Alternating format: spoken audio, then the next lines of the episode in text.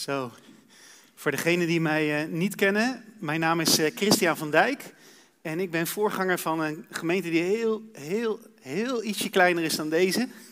Wij hebben ongeveer 40 man um, en ongeveer 20 kinderen. We zijn een beetje een kleine gemeente, maar klein maar fijn. En ik vind het fijn om hier uh, vanmorgen bij jullie te zijn. Oké. Okay. Oh, nou, dat is bemoedigend. Dus uh, ik zou alleen weten waar we dat kwijt moeten bij ons. Maar uh, dat is dan weer een, andere, een ander probleem. Uh, ik wil vanmorgen een vraag aan jullie stellen. En dat is, springen jullie wel eens slootje? Niet meer? ja, ik, ik de laatste tijd weer wel. Ik heb twee jongens. En die, die zijn acht en elf. En die vinden het nog echt tof om slootje te springen. Dan hebben zij een Friese moeder. En uh, die heeft altijd geviereljept. Ik weet niet of ik dat heel goed uitspreek. Maar um, die sprong heel graag slootje.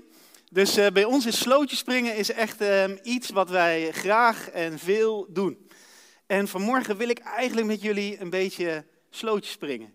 Ik wil um, slootje springen over uh, Gods heilsplan. Denk je, nou, nou, nou, dat gaat gelijk al, dat, gaat, dat is al gelijk het hellende vlak. Maar ik zal het je uitleggen.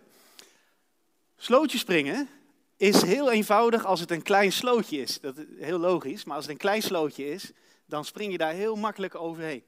Maar als dat slootje wat breder wordt, dan wordt het al lastiger. En hoe breder het slootje wordt, hoe lastiger het wordt om daar overheen te springen. En, uh, en dan wordt het ook meer een uitdaging. En dan pak je zo'n zo polstok of zo'n uh, uh, zo'n stok en dan kan je over een nog breder slootje springen.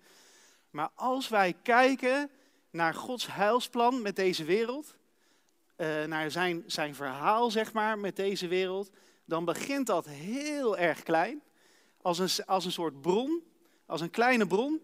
En uit die bron komt een heel klein stroompje voort. En dat stroompje dat wordt een slootje. En dat slootje wordt een klein riviertje.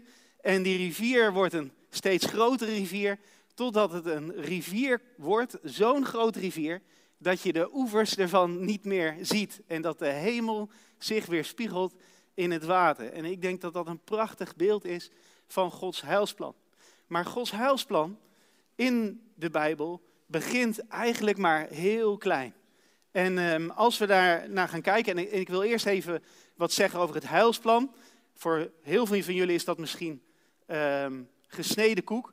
Maar wat bedoelen we precies met het heilsplan? Dat is een beetje een oud woord. Heilsplan. Nou, heil, dat wil zeggen geluk of zegen. Gods plan, Gods heilsplan, Gods plan van geluk en van zegen voor ons. Als je dat nog iets breder zou willen trekken, dan weten we dat die geluk en, en zegen, dat die uh, gelegen is in Gods redding en verlossing van, uh, van ons en van deze schepping. Dus als we het hebben over Gods heilsplan, dan weten we, Hij is een God van het heil. Hij is een God die ons geluk en zegen voor ogen heeft. Ja, dat is toch fantastisch.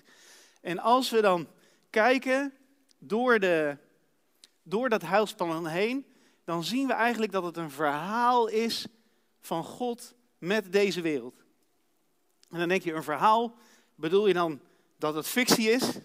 En dan wil ik heel hardgrondig zeggen, nee, het is geen, uh, met verhaal bedoel ik niet te zeggen het is fictie of het is bedacht of het is fictief. Het is de, het, de, de feiten van Gods handelen met deze wereld. Zijn, zijn geschiedenis met deze wereld. En weet u, een verhaal of een geschiedenis geeft antwoorden op de situatie waar wij ons nu in 2021 in bevinden. En dat zou ik een beetje uitleggen. Toen ik, 2000, uh, toen ik in 2002 met mijn vrouw wou trouwen, toen dacht ik, ik moet haar vader om uh, toestemming vragen. En haar vader woonde niet in Nederland, maar woonde in Rwanda. En Rwanda, dat is nogal een eind weg, maar we zijn daar naartoe gegaan. En op een gegeven moment dan vlieg je vanaf Nederland, vlieg je naar Rwanda toe. En dan kom je zo'n kerk binnen, een kerk waar uh, een genocide heeft plaatsgevonden. Je komt in die kerk en overal in die kerk liggen botten en schedels en schoenen en kleding. En dan kom je zo'n kerk binnen en dan denk je, wat is hier in hemelsnaam gebeurd? Wat is hier nou in hemelsnaam gebeurd? Je komt als het ware zomaar een verhaal binnen. En dan ga je eens kijken naar de geschiedenis van dat land. En dan ga je eens lezen over de historie. En dan zie je dat daar de Belgen uh, een tijd de koloniale macht geweest zijn. En dat die Belgen gewoon twee rassen hebben bedacht. Die hebben ze gewoon bedacht. Nog nooit had iemand daarvan een Hutu of een Tutsi gehoord. Maar een Hutu, dat was iemand die een beetje gedrongen was. Uh, niet, niet heel erg lang. Uh, misschien een beetje gezet, dat was een Tutsi. Maar als iemand mooi rank was en een mooi slank gezicht had, dan was het, uh, dan was het een Tutsi. Dus een, een Hutu was een gedrongen iemand. En een Tutsi was, een, was, een, was iemand die wat slanker was en wat groter was. En zo werd iedereen ingedeeld als zijnde Hutu of Tutsi. En, als, en op een gegeven moment zie je dat, um, dat er onderscheid gaat worden gemaakt. De Tutsis worden bevoorrecht en de Hutus die worden uh, achtergesteld. En wat zie je? Dat op een gegeven moment op de radio wordt gesproken over Hutus als zijn de mensen die het leven eigenlijk niet waard zijn. Het zijn kakkerlakken. En zoals je een kakkerlak doodtrapt, zo zou je een Tutsi of een Hutu, zou je ook dood moeten trappen. En als je die achtergrond allemaal weet, dan snap je wat er in, uh, in ik geloof in de, in de jaren negentig, ik weet niet meer exact, maar uh, wat, daar, wat daar toen gebeurd is in uh, Rwanda, dat zoveel mensen uh, daar in drie maanden tijd, ik geloof een miljoen mensen, zijn vermoord. Je komt zo'n kerk binnen en je denkt, wat is hier gebeurd? En je ziet, zo'n verhaal geeft context aan uh, waar je je op dat moment bevindt. Zo is het ook met het heilsplan van God. Het heilsplan van God, het verhaal van God met deze wereld, geeft antwoorden op waar wij ons op dit moment bevinden in 2021. Antwoorden die van belang zijn. Antwoorden die de wereld niet heeft. De wereld die uh, uh, andere verhalen vertelt. Verhalen uh, die niet per se altijd slecht zijn, maar wetenschappelijke verhalen of redelijke verhalen, het humanistische verhaal. Die geven allemaal antwoorden proberen allemaal antwoorden te geven op de situatie waar we ons op dit moment in bevinden. Maar Gods heilsplan geeft hele specifieke antwoorden, hele echte antwoorden op waar wij op dit moment zijn. En de wereld is aan het vastlopen, dat zien we overal om ons heen. Met, je, met, met God niet meer in het centrum kom je er niet uit. Uh, je krijgt, ik zit soms met verbazing te kijken over discussies waarin we, met elkaar spreken over, bestaat er zoiets als mannelijk en vrouwelijk? Nou, ik, de laatste keer dat ik dat gecontroleerd heb, uh, leek het mij vrij duidelijk dat er verschil is tussen man en vrouw. Maar, uh, maar zelfs dat soort dingen, de, de wereld valt uit elkaar omdat ze God verlaten hebben. Maar wij hebben het, het verhaal van Gods heilsplan met deze wereld en die geeft duidelijke antwoorden op waar we op dit moment zijn. Een van die antwoorden die de Bijbel heel duidelijk geeft is: ben jij iets waard? Of ben jij slechts chemie? Ben je iets waard en waarom ben je dan waardevol? Waar gaat het naartoe met deze wereld? Uh, is, wat is goed en wat is fout? Nou, heel even terug naar, uh, naar onze analogie van, de, van het stroompje. Hoe is, dit, hoe is dat heilsplan van God nou allemaal begonnen? En we zien dat uh, in Genesis 1 dat God altijd een God is geweest van het heil. Dat Hij een God is geweest die altijd ons geluk en ons heil voor ogen heeft gehad. En dat zien we in de Hof van Eden. God schep, schiep deze wereld, Hij is de schepper. Hij schiep alles uh, uh, waar wij op dit moment in leven. En Hij schiep het om ons geluk en ons heil, omdat Hij ons geluk en ons heil voor ogen had. Hij schiep een wereld die in wezen, in zijn essentie, totaal en helemaal goed was. Hij keek ernaar en hij zei, dit is zeer goed. Maar we weten allemaal dat God ons als mensen in die Hof van Eden ook de waardigheid gaf van een keuze. De waardigheid gaf van een keuze. Kies je nou van harte voor mij of kies je nou tegen mij? En we weten hoe dat gegaan is, hoe de mens op een gegeven moment aan het twijfelen wordt gebracht door die slang in de Hof van Eden of God niet toevallig iets voor hem achterhoudt. En wat doet de mens? Hij doet wat God verboden heeft. Hij pakt de vrucht waarvan God had gezegd, daar mag je niet van eten. En hij eet hem. En we zien vanaf dat moment dat de mens, die in wezen goed was, een hebbert wordt. Een graaiert Iemand die zichzelf in het centrum van alles heeft gestaan. Die, die, die, die, op die bezig is met wat, wat, wat, wat kan ik? Wat, wat is er voor mij? Wat, wat, uh, wat kan ik krijgen? De mens valt in zonde, hij wordt een habit. En hij raakt op zichzelf, hij wordt op zichzelf gericht. En vanaf dat moment zien we dat de schepping heel hard achteruit gaat. Zelfs zo erg dat God op een gegeven moment bedroefd is over het feit dat hij überhaupt aan dit project begonnen is. Dat hij deze schepping gemaakt heeft. Ehm, er is een, een, een uh, moord en overspel en uh, alle, al die dingen die die hebberigheid en die zelfgerichtheid teweeg brengen, die worden op een gegeven moment schering en inslag. En wat denkt God dan? Hij denkt, weet je wat, ik begin, een, ik begin gewoon totaal overnieuw. Ik begin gewoon totaal overnieuw en ik roep één gezin en dat is het gezin van Noach. En de rest, die, uh, ja, die, uh, die, die schuif ik er allemaal uit. En dan, uh, we kennen dat verhaal van de vloed. En, ehm, en dan denk je, zou het nu goed gaan? Na die vloed, als Noach daar zit met zijn gezin. En dan lees je zo door het heilsplan van God heen. En dan zie je al heel snel, nadat Noach ehm, eh, weer op de aarde is, is gekomen, wanneer dat schipje, is, scheepje weer is vastgelopen. Wat zien we dan? Dat Noach die bouwt een wijngaard. En die wijngaard is blijkbaar uh, heel productief. Het is een goede wijngaard. Hij maakt daar lekkere wijn van, denk ik. En hij, uh, hij drinkt en hij bedrinkt zich. En op een gegeven moment, ik weet niet hoe hij dat voor elkaar gekregen heeft. Maar op een gegeven moment ligt Noach in de tent. Hij ligt daar helemaal naakt. Zo dronken als wat. En dan komt Ham, een van zijn drie zonen, binnen. En, uh, en die gaat naar zijn broers en die vertelt, kijk, uh, onze vader ligt naakt in de tent, die is helemaal, helemaal katslam. En dan uh, pakken Sem en Jafet, die pakken een kleed en die lopen achterstevoren, lopen zij die tent binnen en dan bedekken ze de schaamte van hun vader. En dan zegt Noach, die zegent Sem en die zegt, Sem, jij bent gezegend. En eigenlijk zegt, zegt eh, God door Noach heen, Sem, met jouw lijn ga ik verder. En dan spreekt God ruim 400 jaar, spreekt God niet meer. Dan horen we niets meer van God. Totdat we komen bij het tekstgedeelte van vandaag. En dan zien we dat God begint te spreken tegen één man. Een man die in Ur woont. En die man die heet Abraham. Laten we dat samen lezen. Genesis 12, vers 1 tot 9.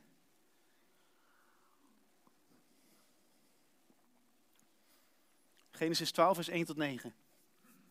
Daar staat, de Heer zei tegen Abraham, trek weg uit je land, verlaat je familie, verlaat ook je naaste verwanten en ga naar het land dat ik je zal wijzen. Ik zal je tot een groot volk maken. Ik zal je zegenen. Je naam veel aanzien geven. Een bron van zegen zul je zijn. Ik zal zegenen wie jou zegenen, wie jou vervloeken, of wie jou vervloekt zal ik vervloeken. In jou zullen alle volken op aarde gezegend worden. Abraham trok weg uit Haran, zoals de Heer hem had opgedragen, en Lot, de zoon van zijn broer, ging met hem mee. Abraham was toen 75 jaar. Hij nam zijn vrouw Sari mee en alle bezittingen die ze hadden verworven en de slaven en slavinnen die ze in Haran hadden verkregen. Zo gingen ze op weg naar Canaan. Toen ze daar waren aangekomen, trok Abraham het land door tot aan de eik van Moreh bij Sichem. In die tijd werd het land bewoond door Canaanieten. Maar de Heer verscheen aan Abraham en zei, ik zal dit land aan jouw nakomelingen geven. Toen bouwde Abraham op die plaats een altaar voor de Heer, die aan hem verschenen was. Daar vandaan trok hij naar het bergland dat oostelijk van de Bethel ligt. En ergens ten oosten van Bethel en ten westen van Ai sloeg hij zijn tent op. Hij bouwde er een altaar voor de Heer en riep er zijn naam aan. Steeds verder reisde Abraham in de richting van de Negev. Zullen we bidden voor het woord? Vader, we danken u dat u ons uw woord gegeven heeft. En als we het openen, ernaar luisteren en daaruit leren, dan willen we zo bidden. Wilt u ja, uw woorden bekrachtigen door uw Heilige Geest? Dat bidden we in Jezus' naam. Amen. Ik wil vanmorgen, we zijn bij dat hele kleine riviertje aangekomen.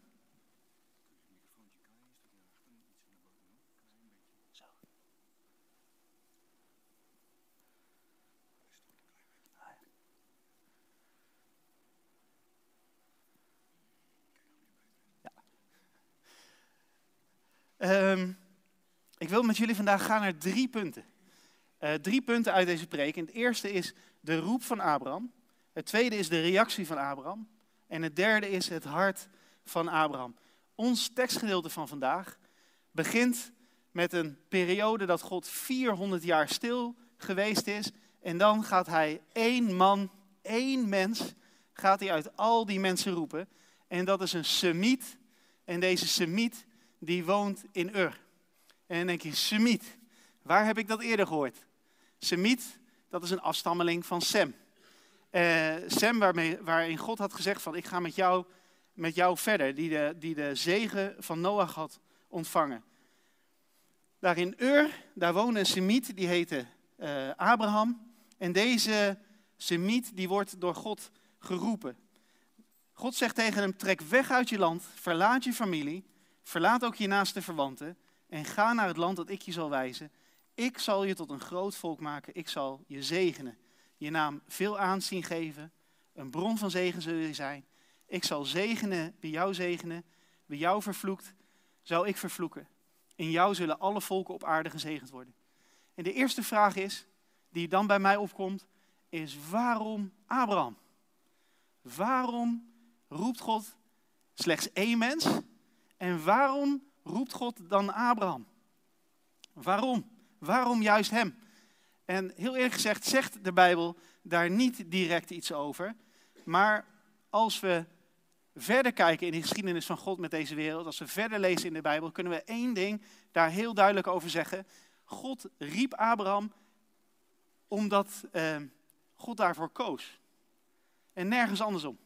Hij riep Abraham niet omdat, omdat Abraham nou zo'n goede man was, of dat hij een bijzondere godsman was, of omdat hij op de een of andere manier uh, God zocht of God aanbad. Romeinen 3, vers 23, daar zegt Paulus over ons allemaal, zegt hij, want iedereen heeft gezondigd en ontbeert de nabijheid van God. Alle mensen zijn zondig. Ook in die tijd, er was niemand die niet zondigde. En Abraham was net zo'n zondaar als al die andere mensen. Dat staat buiten kijf. Abraham was een polytheïst. Het was iemand die vele goden had, die vele goden diende. Dat lezen we bijvoorbeeld in Jozua 24, vers 2 en 3. Daar spreekt Jozua tot het volk van Israël. En dan zegt hij, dit zegt de Heer, de God van Israël. Jullie voorouders woonden lang geleden ten oosten van de Eufraat. Het waren Terach en zijn zonen Abraham en Nahor. En dan staat er, ze dienden andere goden, meervoud. Maar ik heb jullie stamvader daar weggehaald en hem door heel Canaan laten trekken. Abraham was een zondaar. Het was niet iemand die uh, heel bijzonder was of iemand die het waard was door God geroepen te worden. Hij werd door God geroepen. Waarom? Dat weten we niet. Maar dat hij door God geroepen werd, dat is een feit. En misschien denk je, ja, er zou toch wel iets bijzonders aan hem zijn geweest. Ik vraag het me af. Want wat hij deed, dat polytheïsme, dat was voor God niet zomaar iets. Dat was gruwelijk in Gods ogen. Dat was iets, dat is iets waar God van walgt. Dat is iets wat God verschrikkelijk vindt. Wat lezen we in, de, eh, in, de, in Deuteronomium 5, vers 7 tot 9? Daar zien we in de, uh, in de, in de tweede regel van de, de tien geboden. De eerste, vereer naast mij geen andere goden. Maar dan staat er gelijk daarna, Maak geen godenbeelden. Geen enkele afbeelding van iets dat in de hemel hierboven is. Of van iets beneden op de aarde. Of in het water onder de aarde. Kniel er niet voor neer en vereer ze niet. Want ik, de Heer uw God, duld geen ontrouw. God zegt, je moet geen afgodsbeelden maken. En je moet er niet voor knielen. Want ik duld geen ontrouw. Ik duld het niet. Ik zie het als overspelig. Ik zie het alsof je je hart verpand aan iets wat geen God is. Dat je je verbindt met iets wat geen God is. God vindt het ehm, heel ernstig. Hij vindt het gruwelijk. En toch neemt God in dat huilsplan van deze wereld, neemt hij de stap om Abraham te roepen. Hij roept hem. Hij begint een nieuwe weg met Abraham. En wat zegt hij tegen hem? Hij geeft hem een belofte. En die belofte bestaat uit drie onderdelen. De eerste belofte is: Als je mij volgt, dan zal ik je een land geven. Een beloofd land. Het tweede wat hij hem belooft. En dat is best wel bijzonder, want Abraham en Sarah die zijn al redelijk oud. En die hebben nog steeds geen kinderen. En dan zegt hij tegen hen: Ik zal van jou, Abraham, ik zal van jou een groot volk gaan maken. Ik geef je land, ik geef je nakomelingen. En dan de derde belofte is, uit dat volk wat ik van jou ga maken, dat volk zou een zegen voortkomen die een zegen zou zijn voor alle andere volken. Dat is al een klein voorproefje waar die rivier naartoe aan het bewegen is. Hoe die rivier zou gaan, groter zou gaan worden. Hoe, het, hoe Abraham een natie zal worden en dat uit die natie uh, een zegen zou gaan voortkomen die een zegen zal zijn voor alle andere landen en alle andere volken ter wereld. God verbindt zich aan Abraham en in Abraham verbindt hij zich aan het volk van Israël. En in het volk van Israël, en, en nog specifieker door de komst van zijn zoon Jezus Christus, verbindt hij zich aan ons. Fantastisch toch? God is een God van het heil. God heeft jouw geluk en heeft jouw zegen altijd voor ogen gehad. Hij, hij is een God die wil zegenen. En misschien zit je hier vandaag en vraag je jezelf af, maar zou God ook zo naar mij kijken? Zou hij ook een God van het heil zijn voor mij? Zou hij mij uh, uh, lief willen hebben? Zou hij mijn geluk voor ogen hebben? En dan wil ik je zeggen, van, vanuit, de, vanuit, de, vanuit mijn tenen tot aan mijn kruin, dan zou ik je willen zeggen, ja, God heeft, is een, een God van het heil. En God heeft jouw geluk voor ogen. Het enige wat hij van je vraagt, en dat is trouwens wel een groot ding. Hij zegt, wil je alles achter je laten? Wil je mij gaan volgen? Net zoals hij dat aan Abraham vraagt. God komt dus, die verschijnt dus aan Abraham in Ur, een semiet, een polytheïst. En hij doet hem een uitnodiging. Hij zegt, wil je mij volgen? Ik wil van jou ehm, een groot volk maken. En in dat volk wil ik alle landen ter wereld gaan zegenen. En wat doet Abraham? Wat is zijn reactie? Hij vertrekt. Nou denk je, dat is, uh, dat is heel erg logisch. De Bijbel geeft er niet veel aandacht aan. Maar het is wat. Abraham vertrekt. En misschien sta je daar niet zo bij stil. Maar wat betekende het voor Abraham om te vertrekken?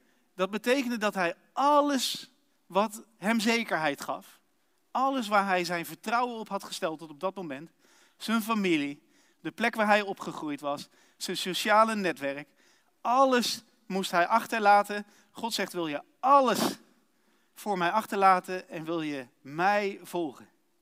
Alles wat belangrijk in je leven wil je dat loslaten en wil je achter mij aangaan. En dat doet Abraham.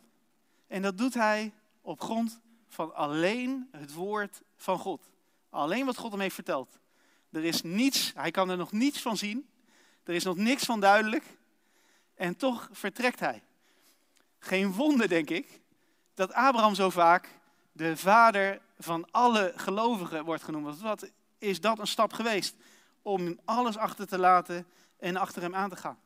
Weet u, God is een God van het heil, wat we vanmorgen hebben gehoord. Maar God is ook een God die roept. En hij roept ook vandaag. En hij roept eigenlijk op een exact dezelfde manier zoals hij ook Abraham roept. Hij zegt, als je mij wil volgen, dan moet je alles achter je laten en dan moet je achter mij aan gaan komen. En hij wil dat je daar, dat je, dat je daar wat mee gaat doen. Weet je, bekeren in essentie, als God tot je gaat spreken van wil je mij volgen, dat, dat vraagt om een bekering. En dat betekent dat je je afkeert van de weg die je aan het gaan bent, dat je op dat moment omdraait Dat je niet meer bezig bent met de dingen van de wereld, maar dat je je richt op God. Dat je zegt vanaf nu wil ik achter u aangaan. En dat is, dat zien we terug in die roep van Abraham. In het evangelie roept God ons. Roept hij u en roept hij mij om het oude leven achter je te laten en het nieuwe leven te gaan leiden met hem. Nou is het een heel klein beetje onduidelijk waar Abraham die roep nou precies kreeg. Kreeg hij die roep nou in Haran of kreeg hij die roep nou in Ur? En ik denk dat het goed is.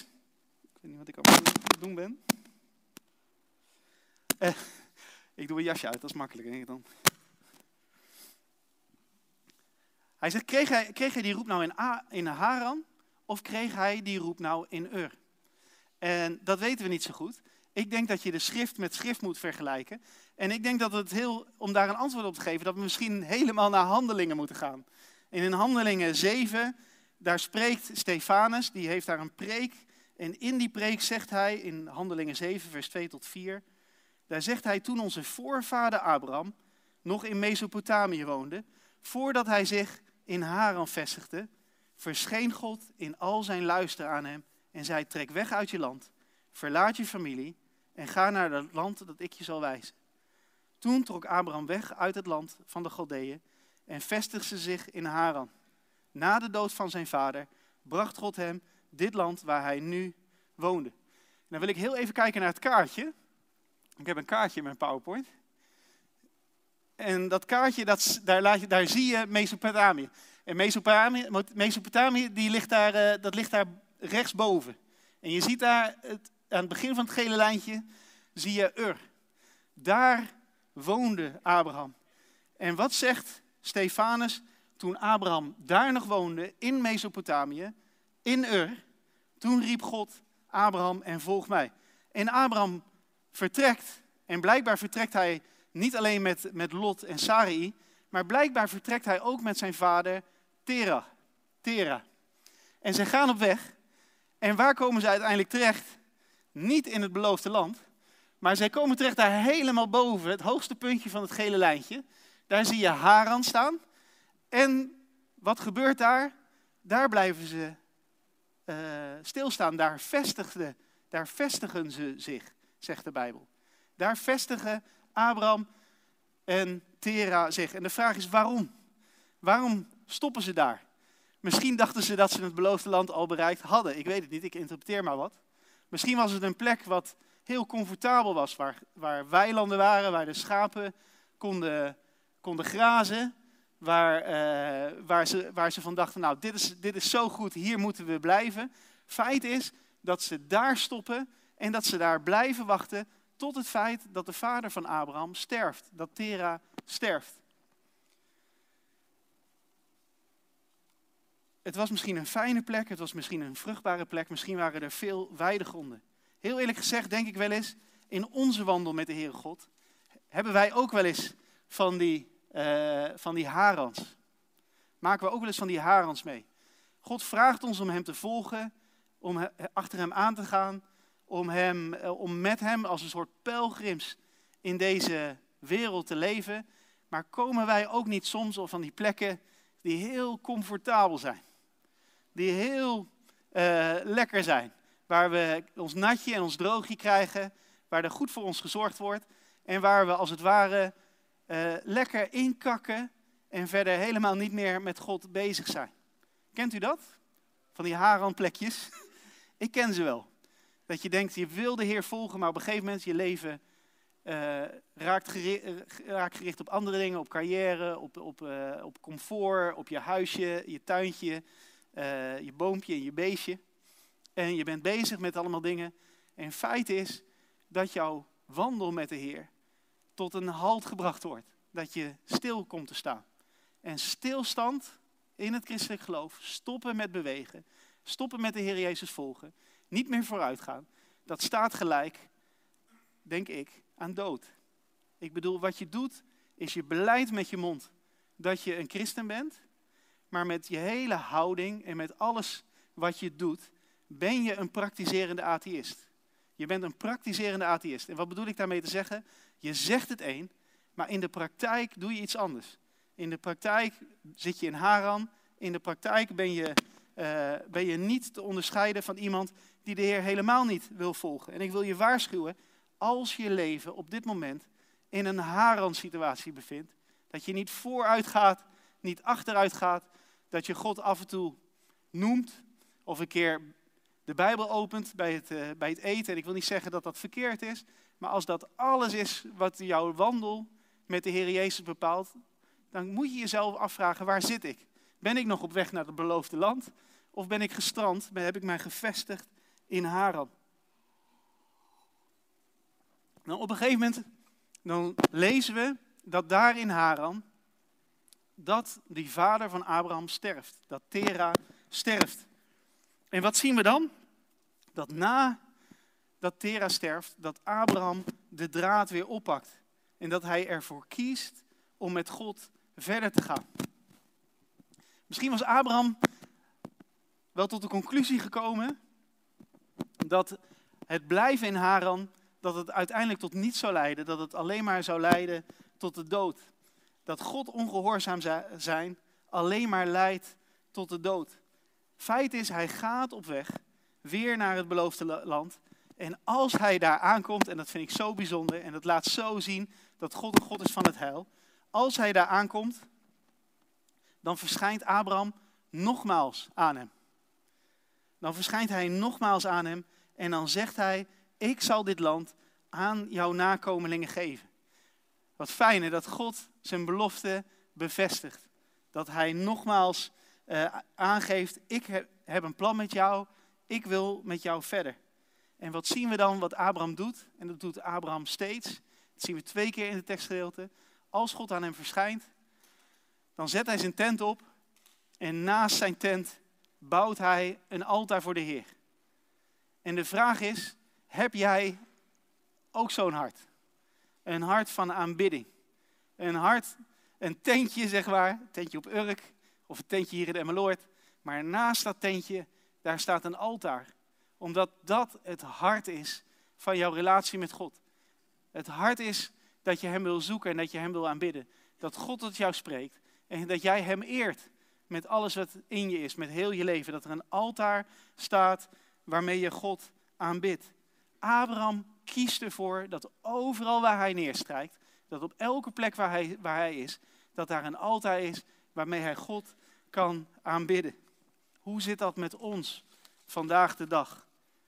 Hebben wij ook zo'n hart, een hart wat gericht is in aanbidding op God?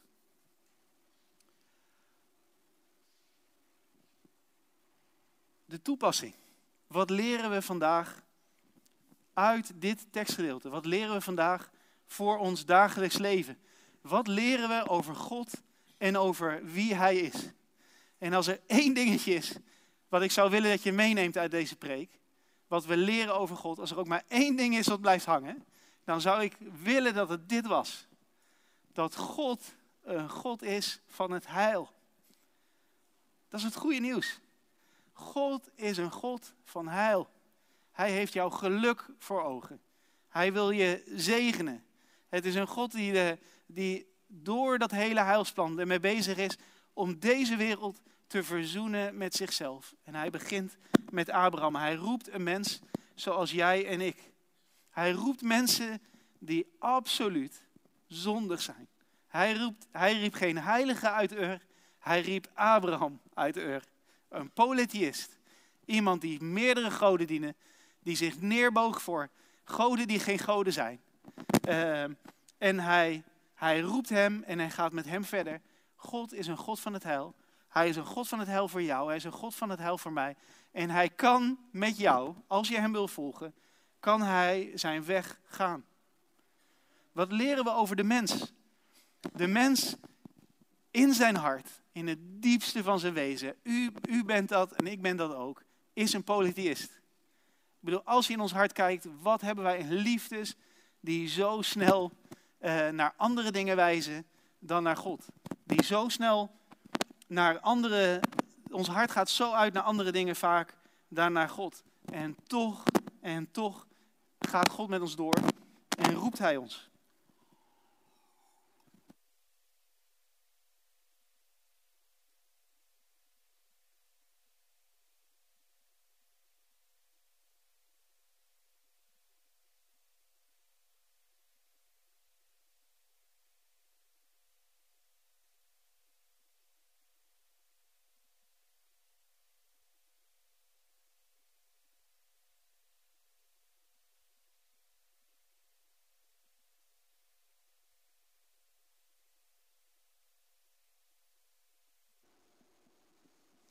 Ja. Wat leren we over dit leven? Dan leren we dat ons hart een altaar moet hebben. Dat ons hart een plek moet hebben waarin we God zoeken, waarin we Hem eren, waarin we Hem aanbidden. En weet je wat me vaak zo opvalt? En dat wil ik met jullie vanmorgen doen. Dat wil ik vanmorgen met jullie trouwens niet doen. Wat me vaak opvalt, is dat we luisteren naar Gods woord. Dat we het open doen. Dat we horen wat de Heere God tot ons te zeggen heeft. En dan slaan we de Bijbel dicht. En dan zeggen we tegen elkaar, het was een fijne dienst. Tot volgende week. En dan denk ik, en dan slaan we de plank mis.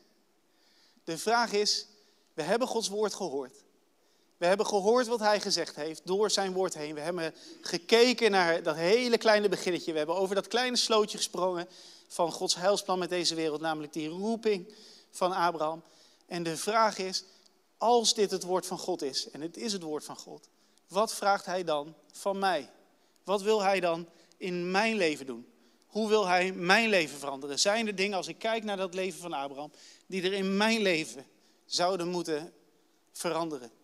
En ik zou je nu één of twee minuten willen geven om gewoon even je ogen dicht te doen.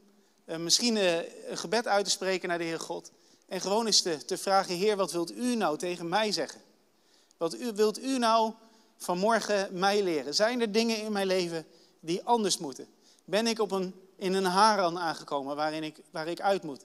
Zullen we eens gewoon even wat tijd nemen en daarna kan de, de muziekgroep een lied inzetten? Maar laten we eens een minuut nemen of, of, of twee minuten nemen om gewoon eens uh, ons op God te richten en te vragen, wat zegt dit Bijbelgedeelte nou voor mij vandaag de dag? Zullen we dat nu doen?